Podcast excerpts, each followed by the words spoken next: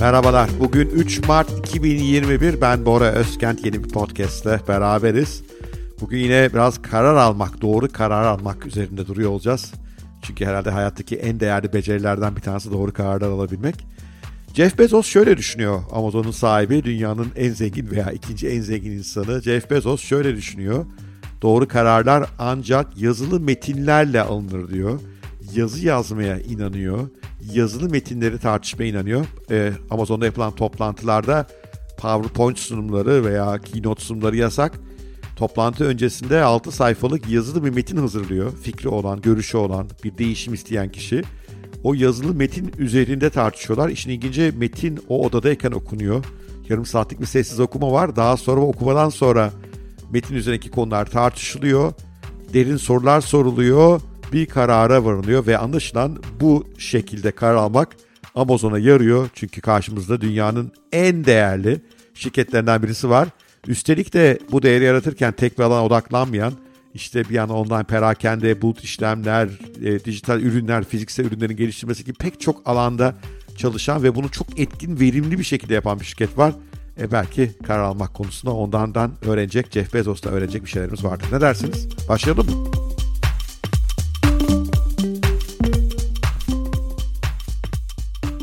Amazon'un toplantılarında koca koca yöneticiler 30 dakika kadar odada sessiz oturuyorlar. Önceden hazırlanmış 6 sayfalık bir notu ona six pager diyorlar okuyorlar. Üzerine notlar alıyorlar altını çiziyorlar. Ancak tartışma ondan sonra başlıyor. Bezos diyor ki e, bu tip toplantılar çok daha verimliler. Çünkü iyi yazılmış ki iyi yazılmış bir six pager veya 6 sayfalık notu şöyle tanımlıyor. Gerçek cümleler, konu cümleleri, fiiller, sıfatlar ve isimlerle anlatımsal olarak yapılandırılmış 6 sayfalık kaliteli bir not diyor. Bu 6 sayfalık notu böyle tanımlıyor. Bezos diyor ki bunlar PowerPoint'ten çok daha iyiler, sunumlardan çok daha iyiler. Çünkü diyor iyi yapılandırılmış anlatımsal metinlerin peşindeyiz. Sadece metin olmaları yeterli değil. Birisi Word'de PowerPoint slaytlarına benzer bir madde işareti listesi oluşturursa bu da PowerPoint kadar kötü olur. Madde işareti listesi işte bizim bildiğimiz şu bullet point meselesi. 6 sayfalık iyi bir not yazmanın 20 sayfalık bir PowerPoint sunum hazırlamaktan daha zor olmasının nedeni iyi bir notun anlatı yapısını insanı daha iyi düşünmeye itmesine hem yazar hem de okurlar için nelerin daha önemli olduğunun ve bunların nasıl bağlantılı olduğunun daha iyi anlaşılmasına neden olmasıdır. PowerPoint tarzı sunumlar bir şekilde fikirleri geçiştirmeye, göreli önem duygusunu düzleştirmeye ve fikirlerin birbirine bağlılığını görmezden gelmeye neden oluyorlar. Evet, böyle diyor Jeff Bezos. Biraz uzunca bir paragraf ama okumak istedim. Bu çok akıllı, bu çok başarılı insanın neden yazıya önem verdiğini, yazılı tartışmalara önem verdiğini anlatmak için. İş hayatı malum hızlı. Koşturma içinde herkes. Ve böyle bir koşturma içerisinde oturup 6 sayfalık bir metni yazmaya karşı çıkacak çok insan var. Onun yerine PowerPoint'i tercih edenler hatta onu da geçtim infografik, infografikler var. Daha böyle kısa akışlar halinde bir görüşü anlatmaya yarıyorlar. Bunlardan da geçtim video ile anlatanlar falan da var. Ve bu Bezos'un yaptığı aslında tamamen bu yeni akımlara karşı eski geleneksel uzun yazılara dönmeye çalışıyor. Ve ben Bezos'a açıkçası hak veriyorum.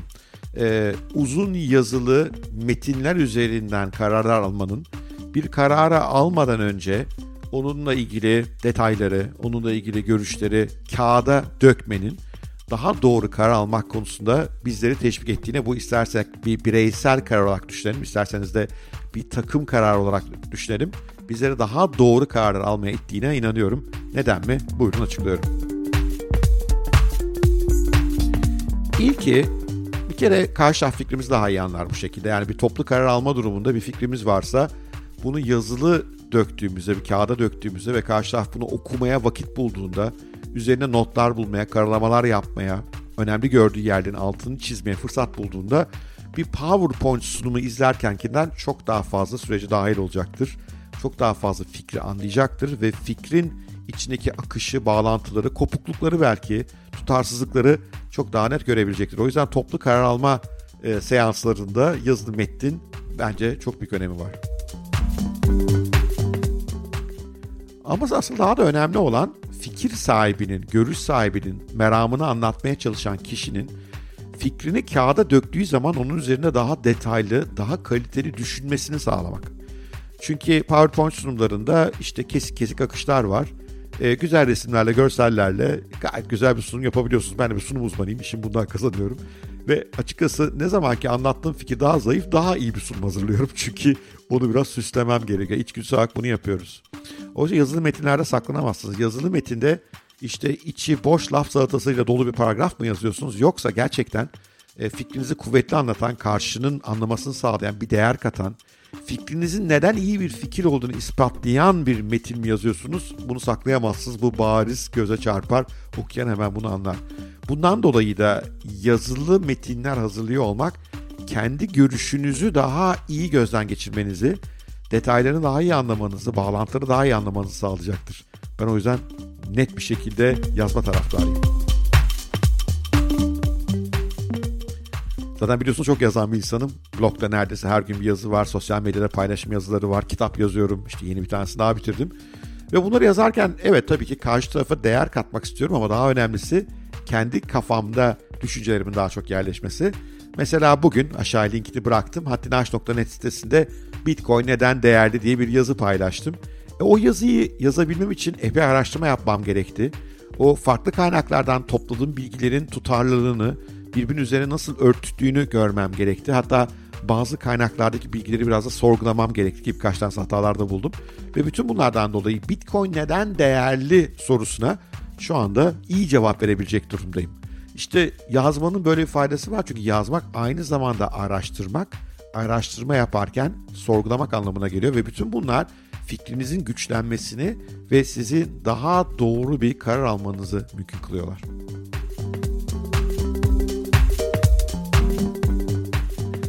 Karar almadan önce düşüncelerinizi kağıda dökmenin bir faydası daha var. Ben bunun çok önemli fayda olduğunu düşünüyorum. Kararınızın sonuçlarını daha sonra kuvvetli bir şekilde analiz edebilmenizi mümkün kılıyor bu. Çünkü eğer bir kararı nasıl aldığımızı, o kararın arkasındaki tezi, bilgileri, verileri not etmezsek kararımızın sonucu çünkü bu doğru veya yanlış çıkabilir. Yani atıyorum Bitcoin yatırım yapacağım dediniz. E o yatırım kararınız doğru veya yanlış sonuçlanabilir. Ama geriye dönüp analiz yapabilmeniz lazım. Yani ben bu kararı neden yanlış aldım veya bu kararı neden doğru alabildim? Çünkü ancak böyle daha doğru kararlar almak konusunda kendimizi geliştirmiş, eğitmiş oluruz. E işte ortalıkta yazılı metin yok. Bir karar aldık, geçtik. Kararımız yanlış çıktı diyelim. Yani sonucu iyi olmadı. E geriye dönüp o kararı nasıl aldığımızı bilmiyoruz ki hafıza zayıf. Onu tutmadı orada. Hangi verilere dayandı, hangi varsayımlara dayandı bilmiyoruz. Bundan dolayı karar alma sürecimizdeki hatayı yakalayamıyoruz. Karar alma sürecindeki hatayı yakalayamayınca da bir dahaki sefere daha doğru karar almayı gerçekleştiremiyoruz. Oysa karar almayı öğrenmek aslında bir süreç. Hani hep böyle anlatan hikayeler vardı. Birisine soruyorlar nasıl bu kadar doğru karar alıyorsun? Diyor ki zamanında çok yanlış kararlar aldım. Sebep çok yanlış kararlar bir süre sonra eğer analiz ederseniz sizi daha doğru kararlar almak konusunda eğitiyorlar.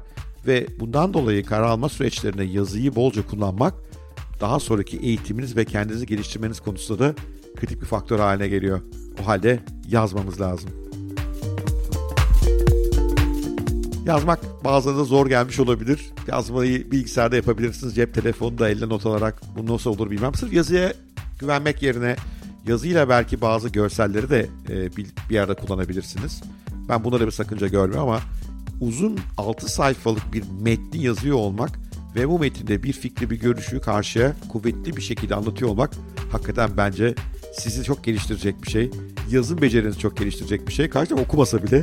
Çünkü insanları bir de okumaya alıştırmak lazım. Yani Jeff Bezos'un beni şaşırtan yönlerinden bir tanesi bu değerli yöneticileri bir yandan yazmaya bir yandan da okumaya da alıştırmış. Oysa ben pek çok Türk yöneticisi tanıyorum. Hayatlarında en son okudukları kitabın tarihi 15 yıl öncesi.